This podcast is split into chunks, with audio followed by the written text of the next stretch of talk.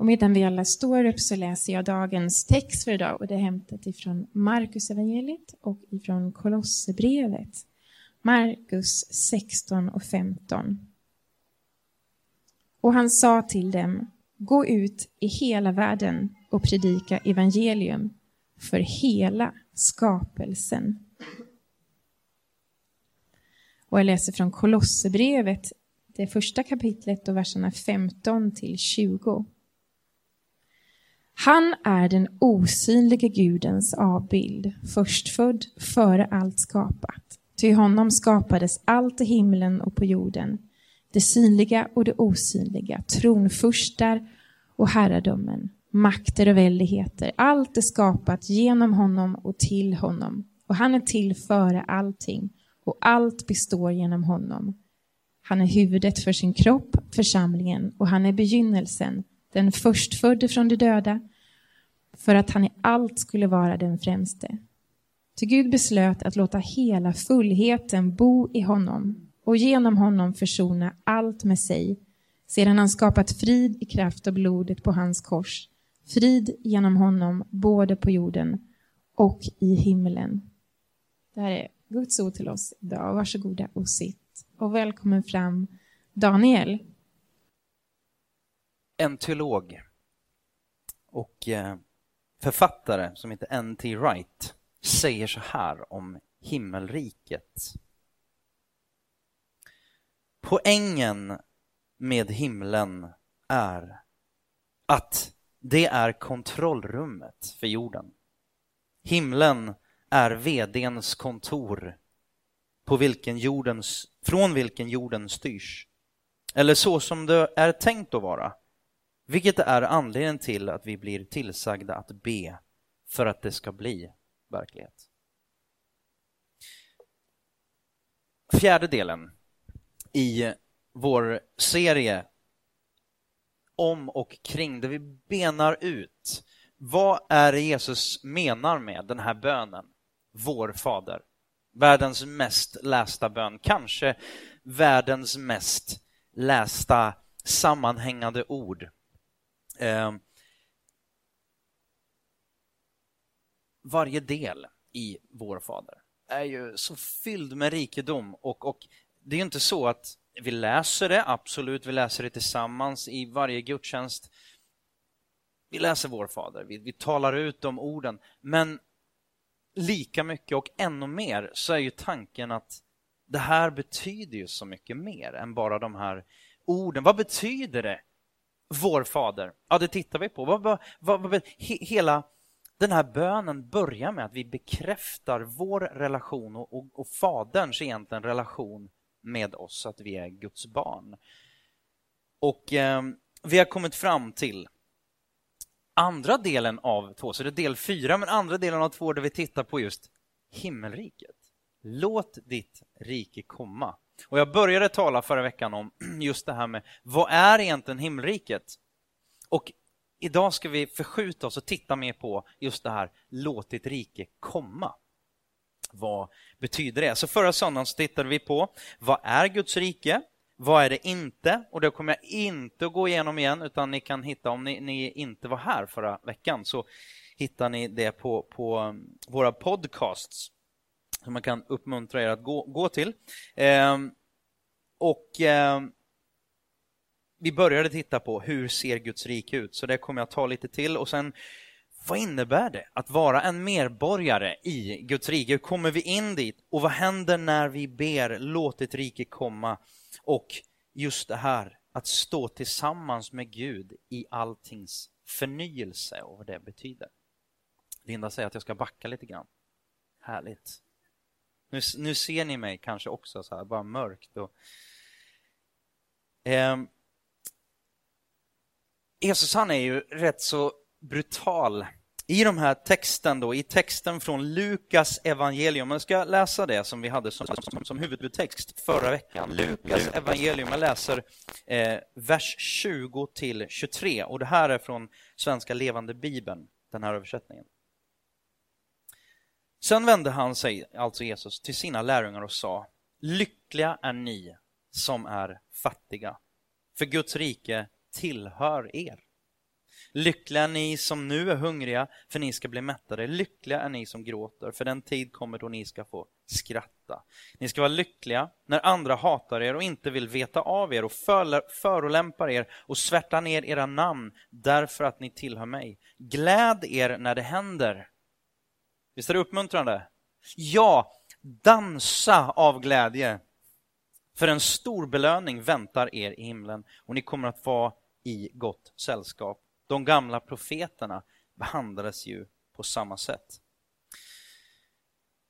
Bibelkunniga teologer kan nog ganska samstämmigt, de kommer, kommer samstämmigt fram till att det här måste läsas utifrån åtminstone fyra dimensioner. Jag påbörjade det förra veckan. Den första dimensionen är det här med fattig. Det låter ju liksom, det låter lite strävt. Och det är inte bara att Jesus var någon slags norrlänning med, men en sträv personlighet eller någonting, utan, utan det ligger ju ett, ett, eh, ett djup bakom. Det här med att ja, men lycklig är ni, eller eh, som, som Bibel 2000, saliga är ni. Saliga ni som, som är fattiga. Vad, vad, vad, betyder det? Jo, det första dimensionen som du och jag behöver förstå dig, det är att du och jag, vi behöver inse att inför Gud, i och med oss själva, så är vi fattiga. Vi har inför Gud ingenting att komma med jämfört med, eller i förhållande till, vi har ingenting av, av, av stort värde som kan påverka vårt eviga liv, om jag säger på det sättet.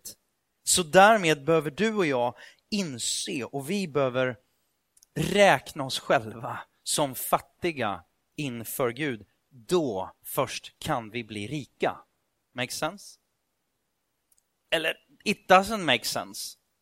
Inte i den här världens ögon och det här världens tänk där jag skor mig och jag är mina egna drömmars smed och liksom jag, jag skapar allting själv, allting hänger på mig och jag är liksom ju mer jag finner mig själv desto bättre blir det och, så, ja, och så vidare och så vidare. Det här går ju stick i stäv med det, väldigt tydligt.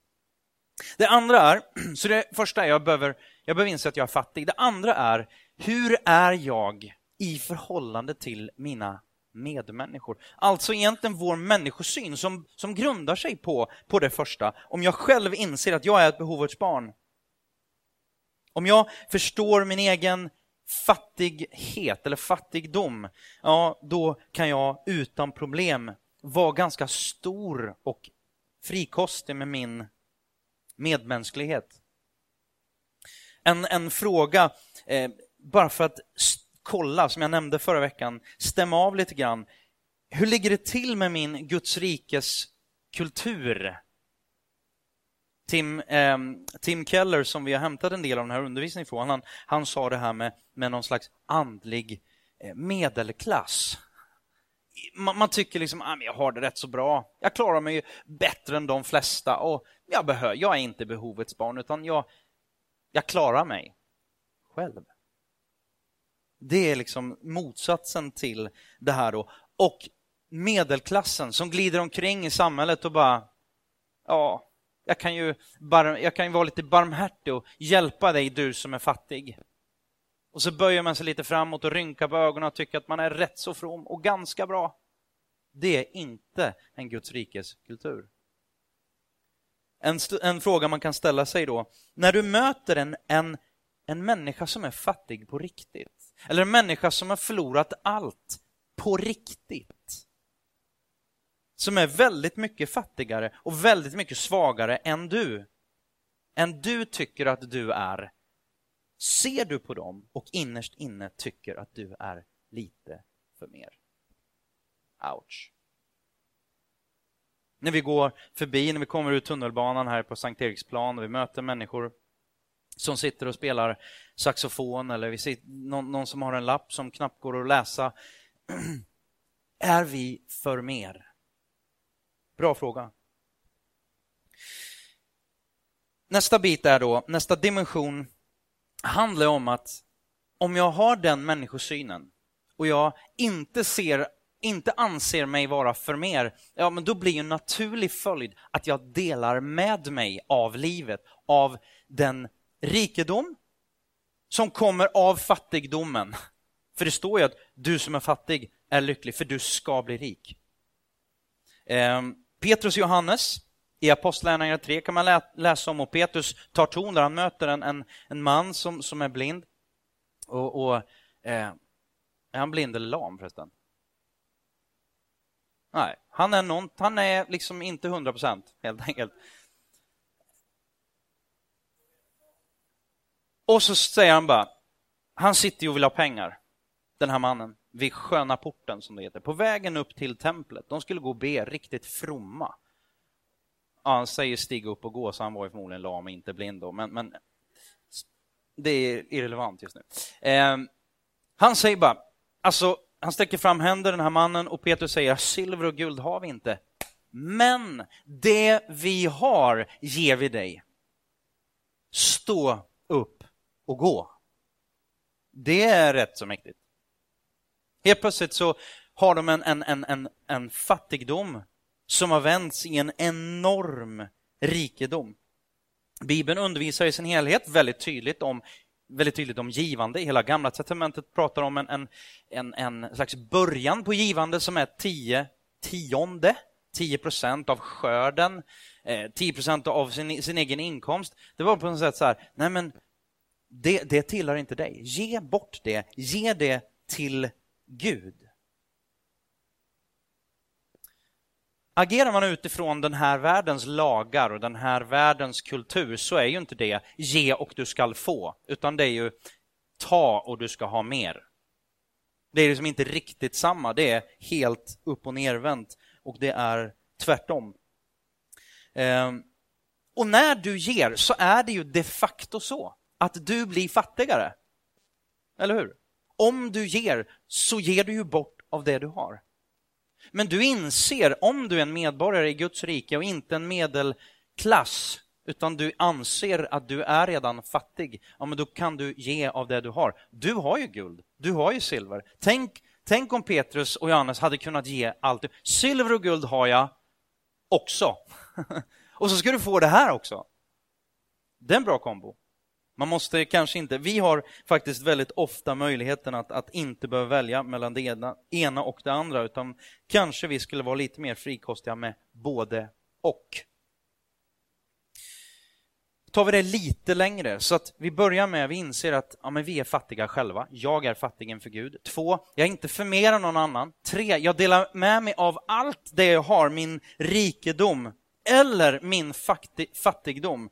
Det, det fjärde är när jag stöter på sann fattigdom, när onda saker händer dig och mig, när, när hela vår värld brakar samman, då vet vi att vi fortfarande är rika.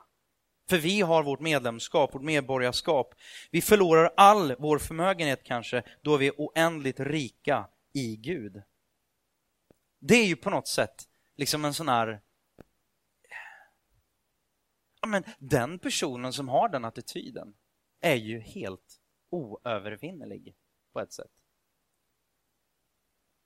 När vi möter sjukdom, när vi möter elände, när vi blir av med jobbet eller eh, det mest tragiska som man kan tänka, ett, ett barn som dör. Eller det, det är någonting av det, det, som, det fruktansvärda som vi har fått följa på, på nyheterna nu i Trollhättan under under under den gångna veckan.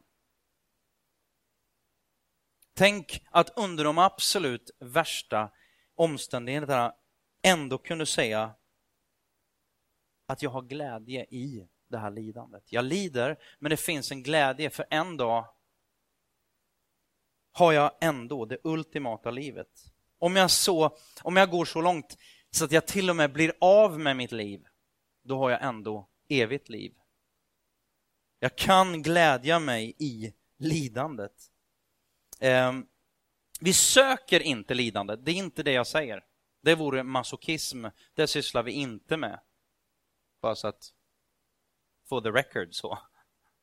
Men när vi möter lidande så kan vi möta lidande med hjärta, med tårar, men också med glädje. För vi ser och vi blickar efter någonting annat. Matteus evangelium, jag vill läsa två olika översättningar. Eh, Matteus evangelium 6.33. Folkbibeln säger sök först Guds rike. Och så tar man det här som, som man ibland glömmer bort, eller de som har lärt sig den här utan till man lätt ser bort ifrån, och hans rättfärdighet. Så ska ni få allt det andra också. Vi vill ju åt allt det andra också först, eller hur? Det, bara det, kommer, det finns ett krav där. Sök först Guds rike. Sök först Guds rike, så ska ni få allt det andra också. Sök först Guds rike och hans rättfärdighet. Inte din rättfärdighet. Det kallas för självrättfärdighet. Och det luktar väldigt illa. Svenska levande bibeln säger så här om samma vers då. Och han kommer att med glädje Gud alltså, ge er allt vad ni behöver om ni ger honom första platsen i era liv och lever efter hans vilja. Helt plötsligt är han CEO, VD i himlen och hans vilja tar sin boning, tar sin plats här på, på, på jorden. Ehm, de här fyra bitarna. Helt plötsligt så inser vi att ja, men det här, det här, jag kan förstå vad det är han pratar om. Michael Wilcox säger så här om, om, eh, om Guds folk och Guds rike. Han säger så här, bland Guds folk kommer i första hand att synas en anmärkningsvärd omkastning av värderingar. De kommer, alltså Guds, eh, Guds folk och eh, Guds rikes medborgare, de kommer högt värdera vad världen kallar ömkansvärt och samtidigt misstänkliggöra vad världen tycker är önskvärt. Träffande.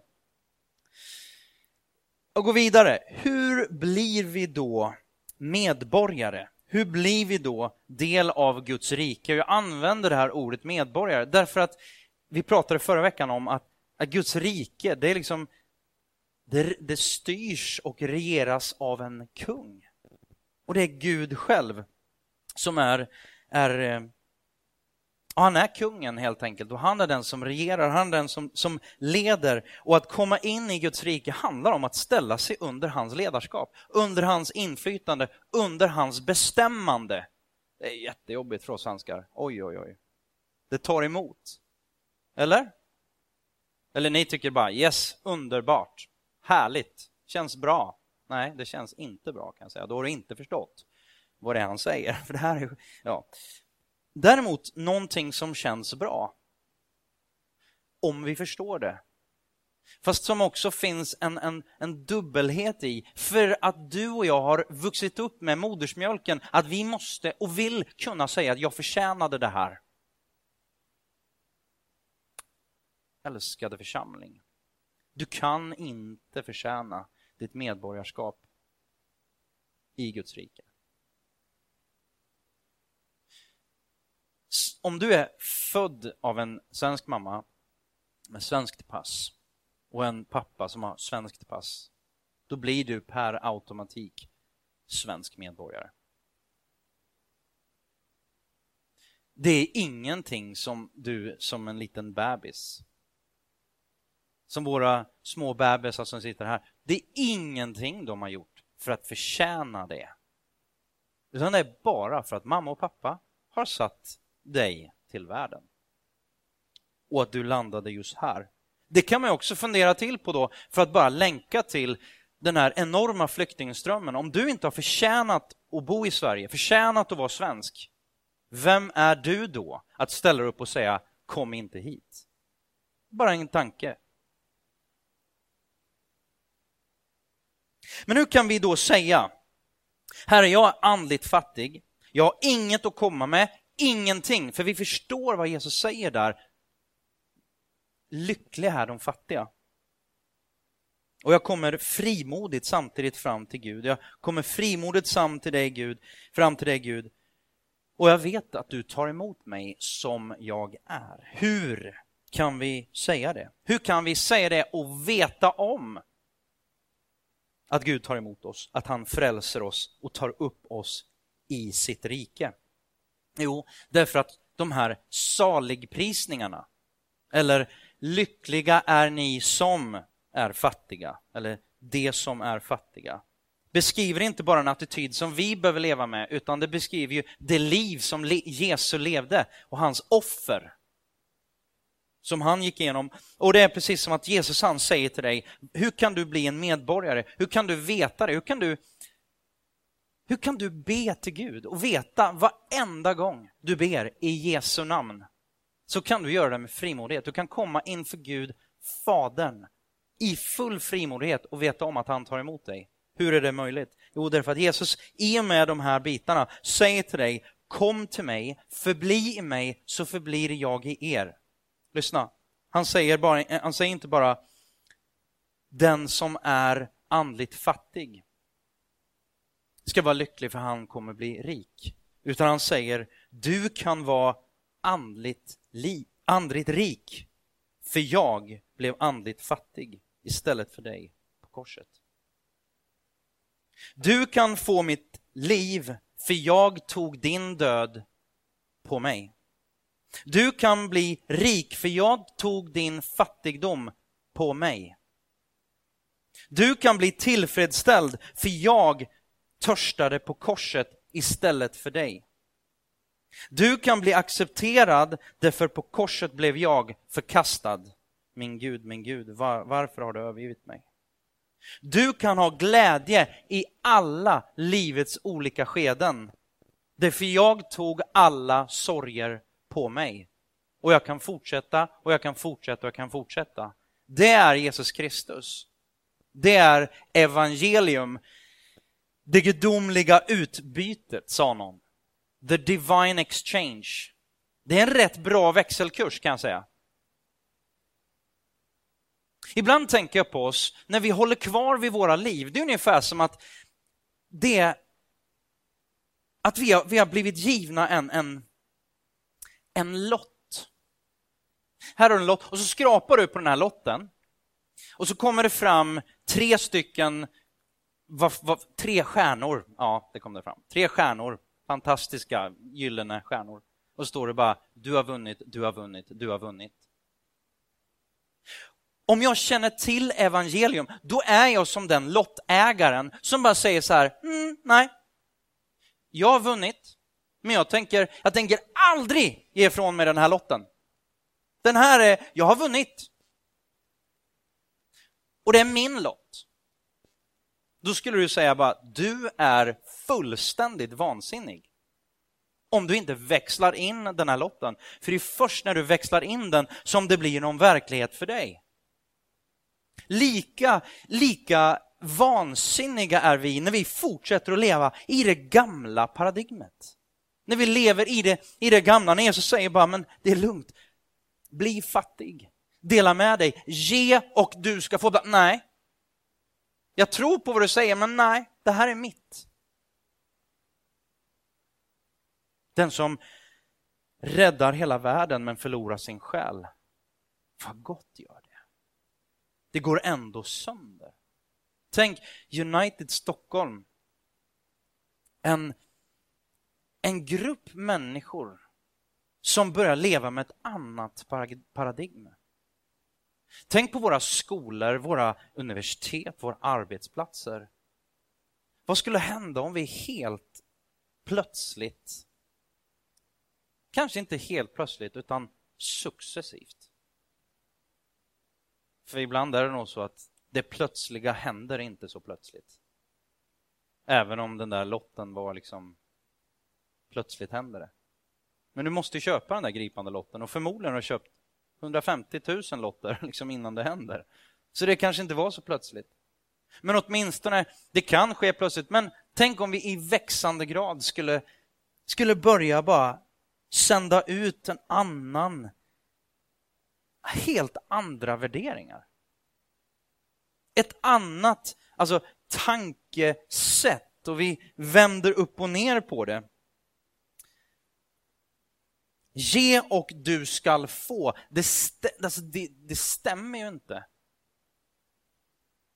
ge och du skall ha mindre, det stämmer ju. Jag ska komma åter till det.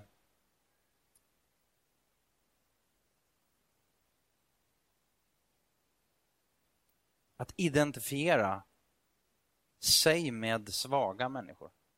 Det är ju inte jättepoppis. Det som är poppis är ju att, att vara en liten så här barmhärtig samarit.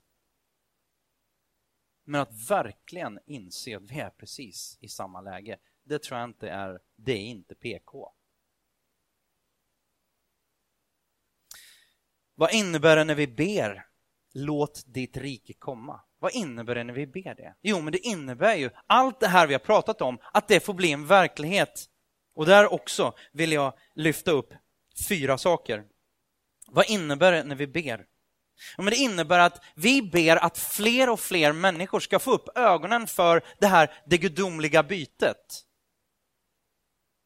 Det gudomliga utbytet kanske man, för att inte tänka på någon slags byte. Det var någon som sköt en älg här i veckan. Eller, det var ett byte. Men det här var det, ut, det gudomliga utbytet. Att fler människor ska få medborgarskap i Guds rike. Det är vad du och jag ber. När vi ber låt ditt rike komma.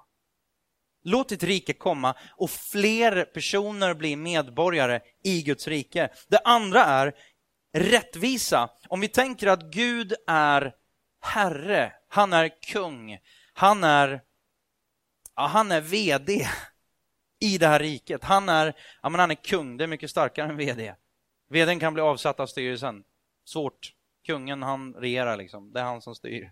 Ehm, han behöver inte rapportera till någon styrelse. Det är han som regerar. Det blir som han säger. Och det står att Gud är sanning. Jesus säger, jag är vägen, sanningen och livet. Rättvisa och sanning hör väldigt, väldigt tajt ihop. För att inte säga att det är synonymt. Det innebär att säga, Gud låt ditt rike komma. Det innebär att Gud låt ditt rike av kärlek, av omsorg, av rättvisa. Eh, Medan världens rike baseras på stolthet, girighet, maktutövande, självhävdelse, saker och ting som inte går ihop överhuvudtaget. Gud, låt ditt rike komma på mitt jobb. Hjälp mig att hantera när, när det jag tidigare har varit orättvis. Jag har skott mig på andra människors, jag har roffat åt mig, etc, etc, etc. Jag har klättrat på den där stegen, inte bara på min stege, min liksom snitslade bana, utan jag har klättrat på andra människors ryggar för att komma dit jag vill nå. Det här är någonting annat. Rättvisa. Vi ber samtidigt, som tredje punkt, underpunkt, att det händer någonting inom mig, naturligtvis. Allt det vi har pratat om hela tiden, bara Gud, låt ditt rike komma i mig, låt mig förstå. Också då vi kommer med till det. Jag tänkte vi skulle gå in i det nu, men, men just sista punkten. Självklart så ber vi om att Guds rike, himlen som man vill, kanske vill, vill benämna det, att himlen tar sin boning här på jorden. Eh, kan vi få upp det citatet av N.T. Wright? Det sista citatet jag gav dig, Andreas. Jesus' resurrection is the beginning of God's new project. Not to snatch people away from earth to heaven, but to colonize earth with a life of heaven. It's the decisive event demonstrating that God's kingdom really has been launched on earth as it is in heaven. That, after all, is what the Lord's Prayer is about. Eh, Låt ditt rike komma. Då ber vi att Guds rike ska komma närmare och närmare och ta sin boning här. Och just det här, jag gillar det, colonize, kolonisera jorden. Infiltrera jorden. Vilket tar oss till vår sista punkt som jag vill spendera lite tid på. Och jag har benämnt den bara tillsammans med Gud i alltings förnyelse. Och vi läser det som Linda läste, eh, Markus evangelium 16 och 15. Och han sa till dem, gå ut i hela världen och predika evangelium för hela skapelsen. Varför står det inte bara alla människor på alla platser? Självklart är människor det primära, men det, det, tycks, vara, det tycks vara att Gud, han, han behöver inte bara begränsa sig till människor. Han tar upp hela skapelsen. Kolosserbrevet 1 och 20, sista versen där som Linda läste. Det var genom hans död, alltså Jesu död, som Gud gjorde det möjligt för allt skapat. Där har vi det igen. I himlen och på jorden, bara för att stryka under. Allt skapat i himlen och på jorden att komma till honom och genom blodet på korset slöt Gud fred med alla människor. Där är naturligtvis då fokus på människor. Romarbrevet 8, 19-21. Är ni med? Ty skapelsen väntar ivrigt på att Guds barn skall uppenbaras. Bara stanna där. Alltså skapelsen, hela världen, hela naturen, allting väntar på. Och på något sätt så bara inser man, jaha, allting kommer alltså att påverkas av Guds barn. Allting, till och med naturen, kommer att påverkas av Guds församling. Det är en liten svindlande tanke. Ty skapelsen väntar ivrigt på att Guds barn ska uppenbaras. Skapelsen har ju blivit lagd under förgängelsen, inte av egen vilja utan genom honom så lade den därunder. Ändå finns det hopp om att också skapelsen ska befrias från sitt slaveri under förgängelsen och nå fram till Guds barns härliga frihet. Ett citat av Tim Costello. Jag tyckte det var så träffande. Synd är där det onda regerar och frälsningen är övervinnandet av det onda. Syndens uttryck är hunger, orättvisa, sjukdom och andlig död. Kort sagt, allting som förvrider Guds avbild. Frälsningen uttrycks i mat och rättvisa, hälsa och överflöd som botar och vrider rätt det som är förvridet. De goda nyheterna är att vi är kallade av Gud att samarbeta med honom till alltings förnyelse och upprättelse. Att samarbeta med Gud. Bara låt mig kort ta ett exempel som ligger naturligtvis nära, nära mitt hjärta. Det är ju, eller mitt hjärta, men mitt, det är mitt liv liksom. En, en, och hur vi ser på det, hur jag ser på det rent teologiskt. Folk frågar mig ganska ofta, du är inte anställd i United. För det första så ofta så får jag frågorna, hur går det ihop? Hur funkar det? Och det är nog en, det är en bra fråga. Eh, men den bottnar sig i, och svaret bottnar sig i, ja men okej, okay, när du inte är pastor, vad gör du då? Och då jobbar jag på ett företag som heter EGN ska inte gå in på mer om det, utan det är bara att konstatera att, att jag har ett, ett ja, heltidsjobb på, jag brukar säga så här, men jag jobbar heltid på sidan om. Det är enklast sättet att be beskriva det på. Ehm, jag vill bara ta ett ord. Så här. Vi pratar mycket på vårt jobb. Jonted, kollega med mig. Ehm, vi pratar mycket om våra värdeord. Och det är för att vi som chefer har bestämt oss för att det är sjukt viktigt. Och vi inser, ibland så, jag och vår VD som också är en, han är också troende och vi, vi, vi smilar lite mot varandra ibland så och bara, det här är så bra. Ett ord som vi pratar om väldigt ofta är ordet generositet. Och eh, utan att säga för mycket så är det ju bara så här att Generositet, det är ett positivt laddat ord och det är så otroligt djupt. Och när vi säger så här, är vi generösa mot varandra? Jag själv leder en säljorganisation med massa liksom, folk som kanske tidigare, där gäller det att roffa åt sig. Där gäller det att, att, att inte bara sälja med, med en höghet, utan ibland kränga. Det vill vi inte ha. Det är för lågt. Det är inte generöst. det generösa förlorar ingen på. Är du med? Jo, du kanske som ger kommer förlora, det, förlora på det, men ge och du skall få. Vi pratar om sådd och skörd. Vi säger saker som på jobbet, den generösas värld blir större och större medan den snåles värld blir mindre och mindre. Och jag vet, för, för det är vad man har sagt, inte alla, men några stycken eh, av våra ja, men kollegor har sagt till mig så här, vet du? Ja, älskar att vi pratar så mycket om värderingar. Och vet du vad? Våra tre värdeord har jag tagit med mig och gjort. Jag har tagit med mig dem i, min, i mitt samboförhållande. Jag har tagit med mig dem och jag vill vara en generös person, inte bara här, utan i hela mitt liv. Vet du, helt plötsligt för mig så blir det inte två...